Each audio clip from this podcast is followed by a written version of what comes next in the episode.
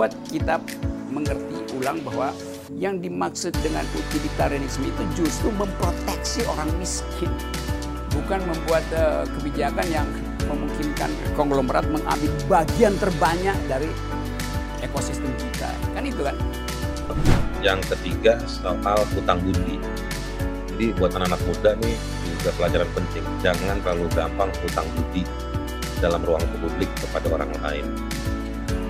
Tunjukkan kemampuan itu penting. Nah, dalam politik hutang budi keterkaitan satu sama lain ini yang membuat orang terjebak pada persetujuan-persetujuan yang tujuannya akhirnya merusak lingkungan.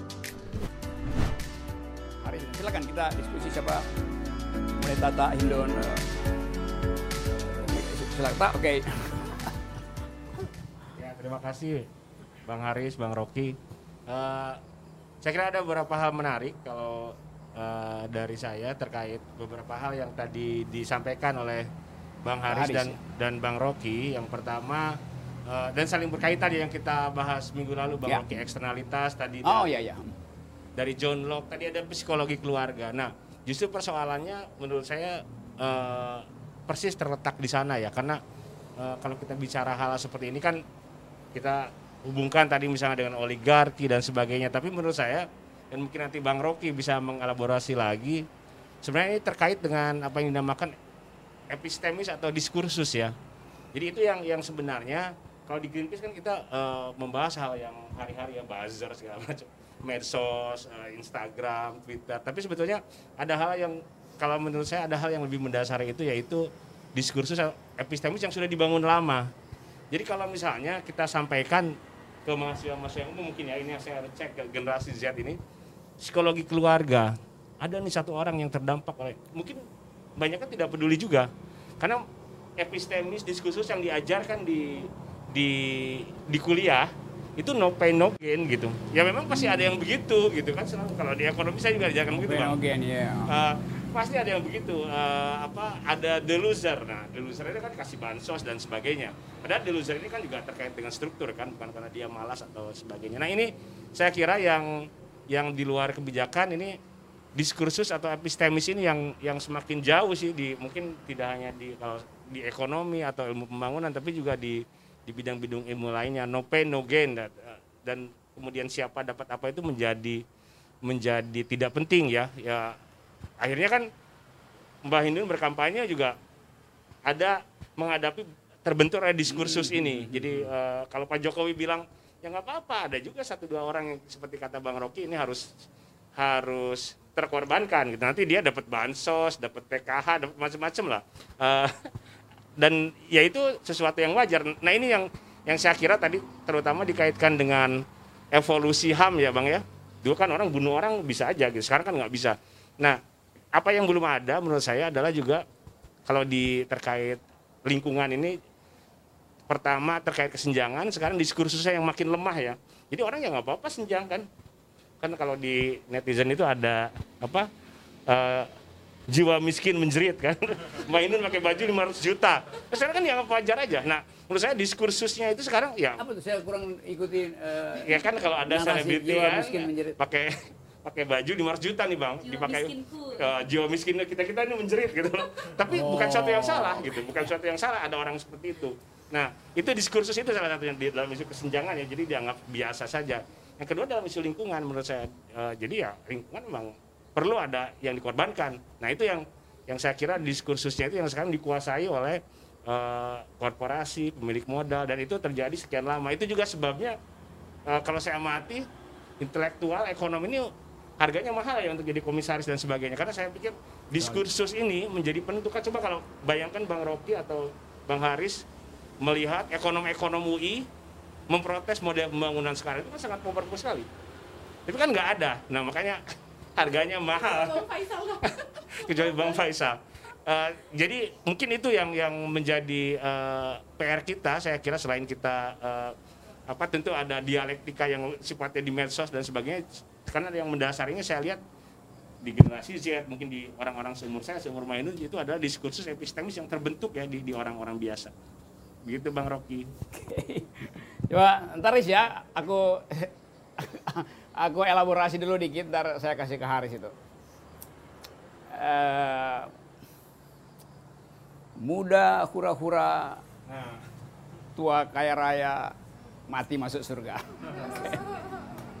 Jadi semacam hedonisme yang sebetulnya basis dari hedonisme itu adalah salah paham tentang pragmatisme itu. Saya terangin dulu beberapa soal istilah itu.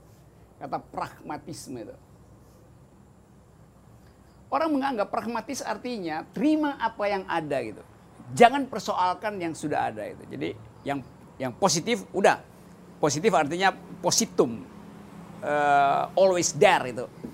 Jadi terima aja, itu namanya pragmatis. Karena ini sulit, ngapain terimanya? Padahal di dalam di dalam logika pragmatisme artinya sesuatu yang diambil setelah seluruh variabel itu diuji satu persatu dan akhirnya dipilih satu gitu. Itu namanya pragmatisme. Jadi ada kekuatan berpikir di balik pragmatisme itu. Kalau kita pragmatisme artinya mengkonsumsi sesuatu yang tersedia itu. Ini ini yang uh, kalau kita baca cara berpikir John Dewey, uh, tokoh pragmatisme dunia asal Amerika.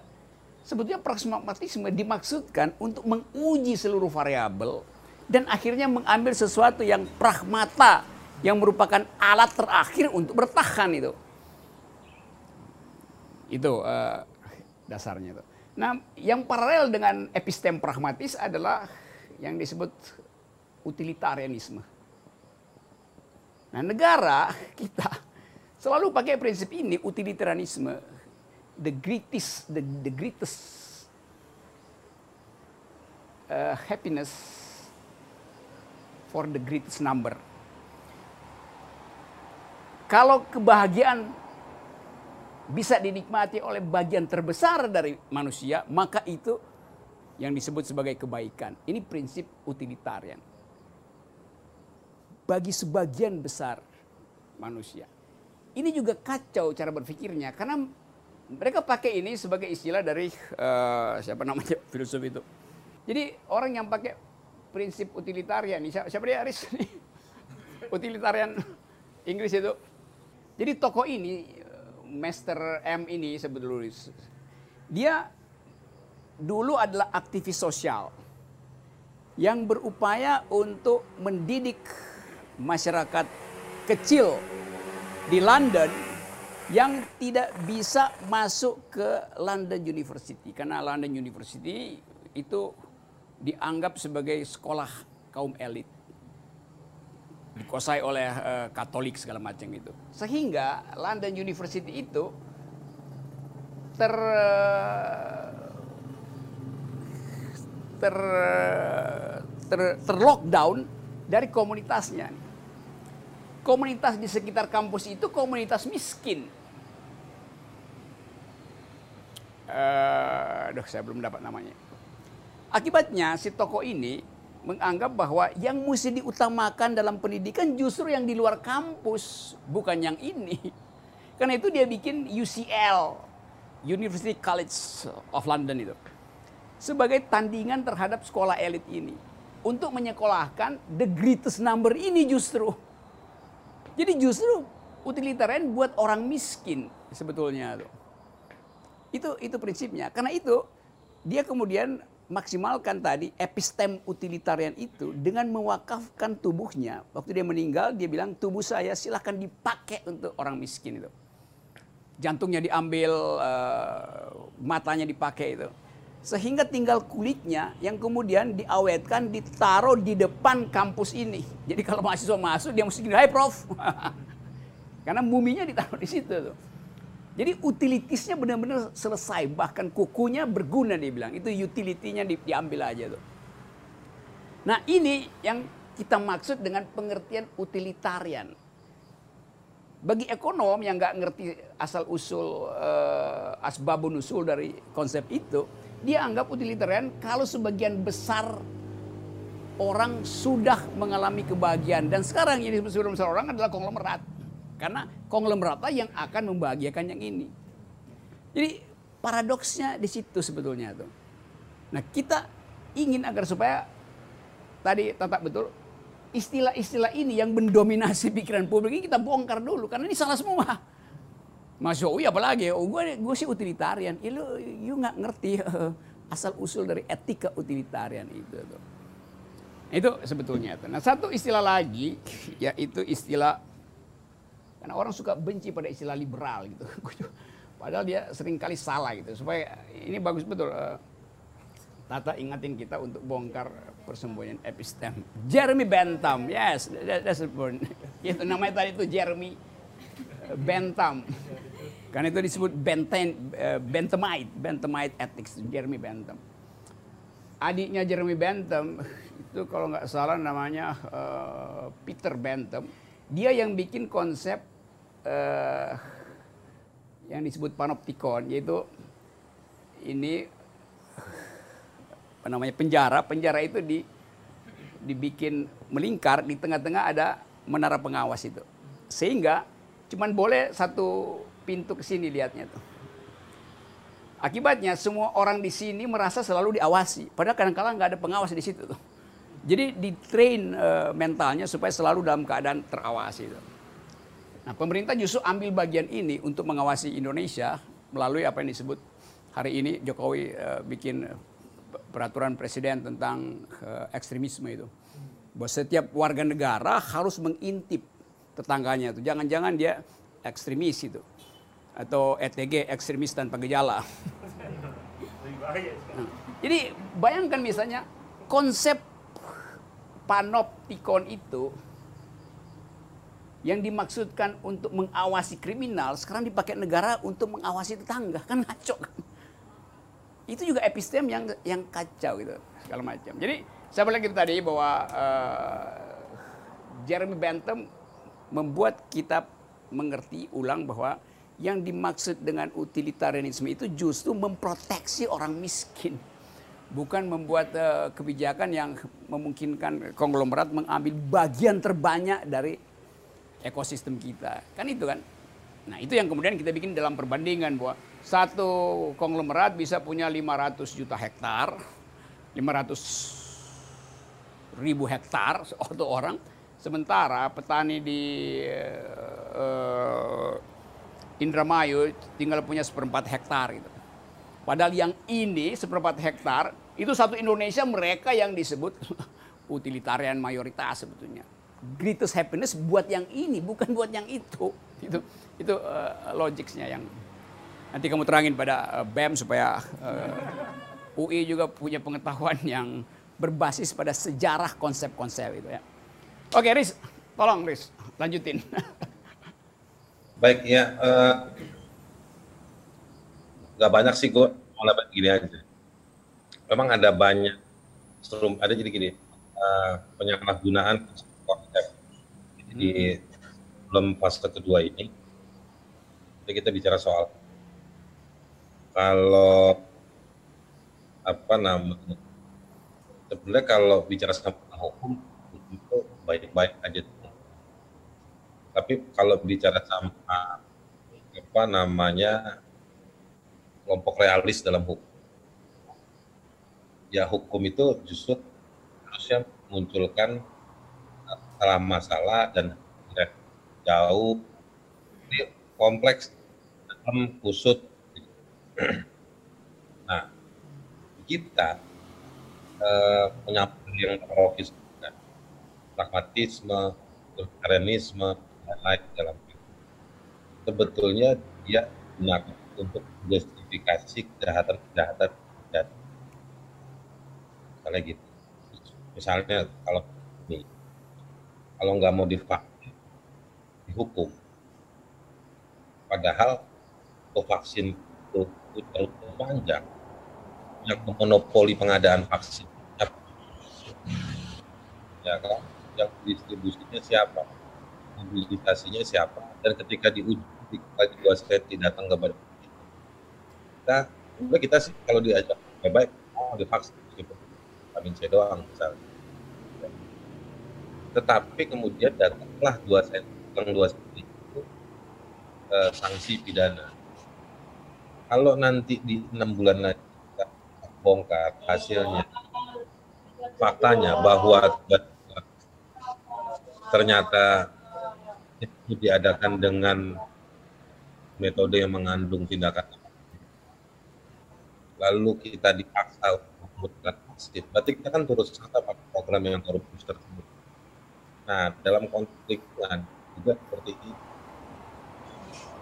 pragmatisme itu sering dipakai ketika masyarakat membelah masyarakat adat yang memang merepresentasikan eksistensi dari uh, satu uh, ruang lingkungan hidup.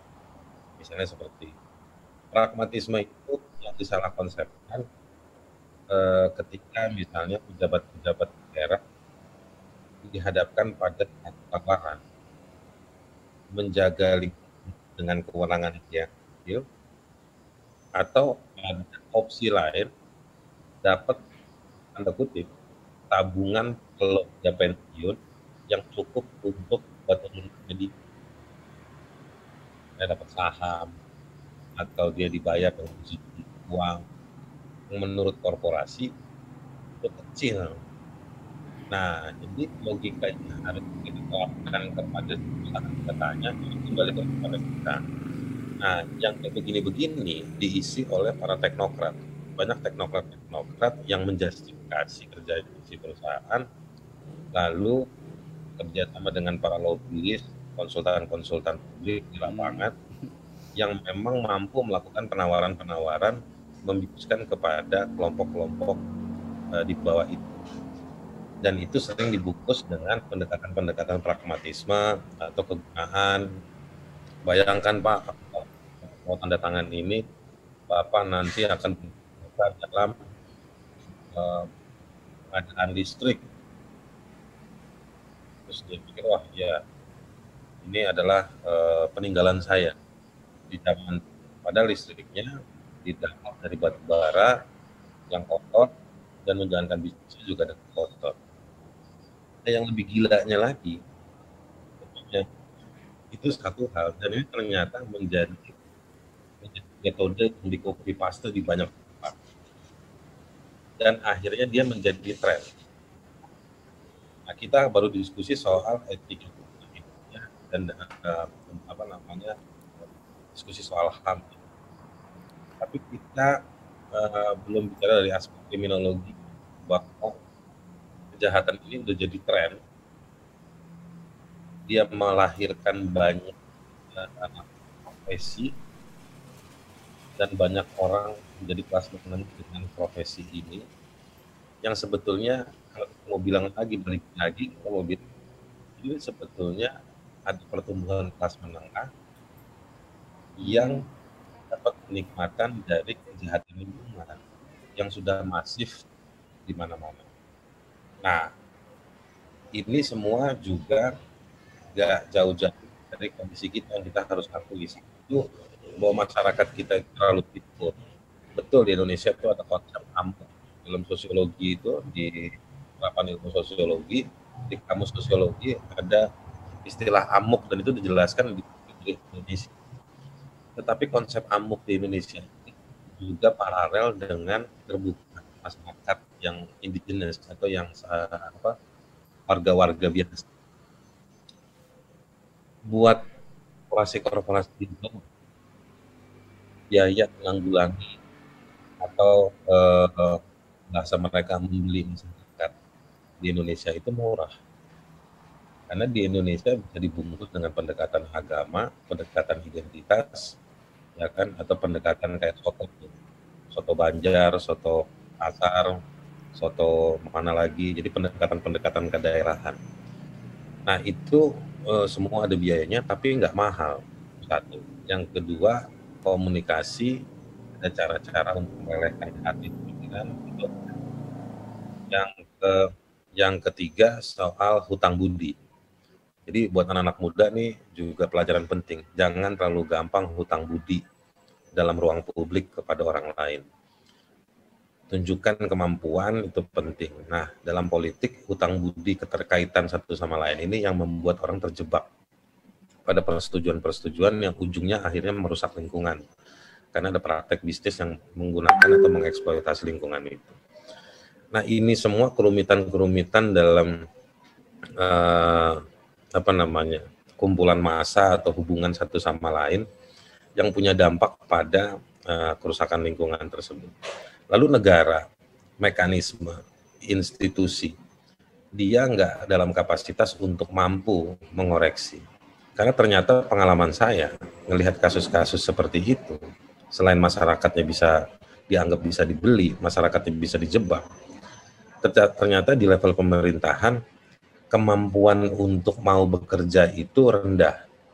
Jadi kalau kita bawa eh, bahan Greenpeace, Jatam, Walhi, BEM UI, uh, Raisa Fans Club, ya kan, misalnya uh, datang uh, ke kantornya Mahfud MD, kapasitasnya Mahfud MD adalah berdialektika di antara kopi dan teh yang disuguhkan ketika kita datang. Vocabulary-nya cukup grammarnya cukup untuk mengimbangi temuan-temuan tersebut. Tetapi kita nggak pernah membayangkan waktu kita kasih bahan itu diolahnya ke mana, produknya apa di tempat-tempat tertentu. Nah, di tengah keriuhan, perdebatan, diskursus di sosial media, di dalam birokrasi pemerintah itu tertutup. Gak ada yang bisa membongkar itu. Jadi memang tadi e, benar tuh ada yang bilang bahwa 24 jam Erick Thohir dalam satu hari, 24 jam uh, Siti Nurbaya dalam uh, apa namanya dalam satu hari. Yang benar-benar yang benar-benar memikirkan masyarakat, benar-benar bekerja untuk masyarakat itu mungkin hanya hitungan menit. Sisanya harus buka pintu untuk investor Cina datang, investor Australia datang, atau uh, utusan uh, dari perusahaan mana datang yang sedang coaching uh, atau sedang pitching atau sedang mengadvokasi kebijakan bisnis buat perusahaannya. Nah, mereka bisa bayar pengacara, bisa bayar konsultan. Sementara masyarakat adat masih sibuk untuk bagaimana cari kontaknya Aswinawati di LBH. Masih sibuk bagaimana cari emailnya Fatia di Kontras atau masih bingung bagaimana bisa datang ke kantor walhi. Jadi memang ada perbedaan, ada margin yang cukup, yang sangat serius dalam situasi yang ada hari ini untuk mengisi ruang ter. Mungkin uh, ini mungkin salah kita. Uh, aku juga nggak tahu bang apakah ini yang vokasi ya justru uh, apa namanya justru mem ini apa enggak banget kira-kira harga Oke, okay, uh, eh, ya pada akhirnya seluruh proposal masyarakat sipil itu harus dipaksakan secara radikal. Karena tadi itu yang kita sebut tadi pragmatisme masyarakat sipil akhirnya harus dibuatkan kanal baru tuh. Karena tertutup kanal yang lain. Itu yang kita sebut sebagai saya kasih konsep uh, sedikit ya. Kita mungkin ingat dulu waktu uh, Cekoslovakia dipimpin oleh uh, siapa namanya presiden yang Václav Havel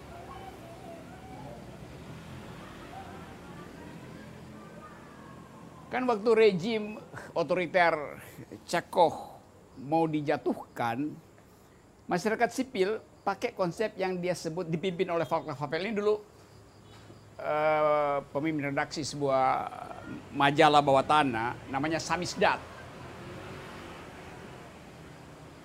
Samisdat artinya perjuangan bawah tanah itu. Dia pakai istilah paralel politics, paralel pakai bahasa aslinya paralel polis. Jadi politik yang paralel. Paralel terhadap apa? Paralel terhadap kebijakan kekuasaan itu. Jadi diamat-amati terus itu kekuasaan itu. Nah kita bisa bikin paralel polis semacam ini melalui kekuatan organisasi sipil yang ada basis rakyat tapi punya konsep alternatif itu. Itu itu yang kadang-kadang susah. Jadi memang kita mesti libatkan intelektual kampus untuk menghasilkan paralel polis untuk menghalangi mainstream politics di dalam bidang lingkungan itu. Itu itu itu intinya itu. Nah, dasar pikirannya dari Parallel Polis adalah apa yang disebut the power of the powerless itu. Dan buku ini terkenal dulu di tahun 90-an awal, The Power of the Powerless. Dan itu berhasil. Sehingga Václav Havel akhirnya jadi presiden Cekoslovakia. Nah, yang saya mau berikan inspirasi pada teman-teman netizen adalah bahwa dalam kemacetan pintu birokrasi tadi Haris menerangkan bahwa ya eh, seluruh istana bilang kami bekerja 24 jam iya tapi bekerja untuk siapa dan demi uh, uh, akuntabilitas apa itu. DPR bilang kami juga bekerja 24 jam, tapi kita tahu bahwa jam 3 sore itu DPR RI udah kosong tuh. Yang penuh adalah Plaza Senayan. Karena uh, kontrak under table bisnisnya ada di situ, bukan di di DPR. Bayangkan misalnya kalau di Australia jam 2 pagi lampu di parlemen Canberra masih bisa kita lihat nyala. Karena ada etika di situ bahwa orang terakhir keluar dari gedung parlemen dia yang khas harus matikan lampu. Jadi kita tahu jam 2 pagi wakil gue ini masih bicara tentang draft undang-undang lingkungan hidup tuh. Maka kita apresiasi dia. DPR kita jam 2 siang bahkan udah mati lampu di DPR karena pindah ke Plaza Senayan untuk cari uh, Hugo Boss baru atau jas terakhir atau kalau dia perempuan dia cari uh, apa namanya tuh Louis Vuitton baru segala macam. Oke, okay. jadi kita ingin apa tadi? Jiwa miskin. Jiwa miskin menjerit itu.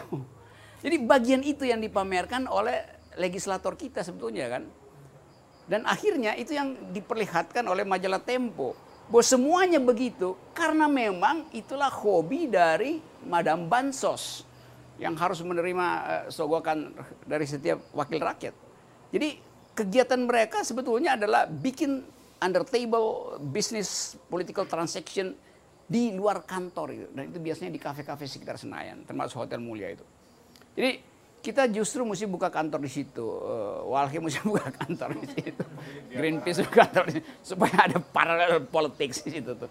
Tapi ini yang ingin kita bicarakan hari ini supaya saya sebetulnya ingin kasih pesan bahwa saya dan Haris terus-menerus bicara tentang uh, justice, uh, tata Hindun berupaya untuk mengaktifkan narasi-narasi baru tentang lingkungan dan berupaya untuk menghalangi narasi-narasi konvensional yang sebetulnya intinya adalah eksploitasi. Nah, di sini ada eh, BMUI, ada uh, teman-teman netizen yang ikuti terus-menerus channel ini. Jadi tetaplah di dalam semangat untuk menghasilkan a new kind of Indonesia itu. Jadi Indonesia yang hijau bukan karena matanya hijau lihat duit, tapi karena kita betul-betul percaya bahwa sumber daya kita adalah bagian dari masa depan kita tuh. Dan generasi kita adalah yang berhak untuk menentukan hidup di depan. Jadi mereka yang harus membangun paralel polis semacam ini. Saya kira itu uh, waktunya kita cukupkan hari ini. Kita akan ambil spirit kuliah hari ini untuk mengatakan pada generasi generasi kolonial bahwa kalian sudah selesai karena kalian adalah rampok sekarang adalah saat kita untuk menanam ulang Indonesia. Terima kasih. Menanam ulang Indonesia. Gitu BM ya.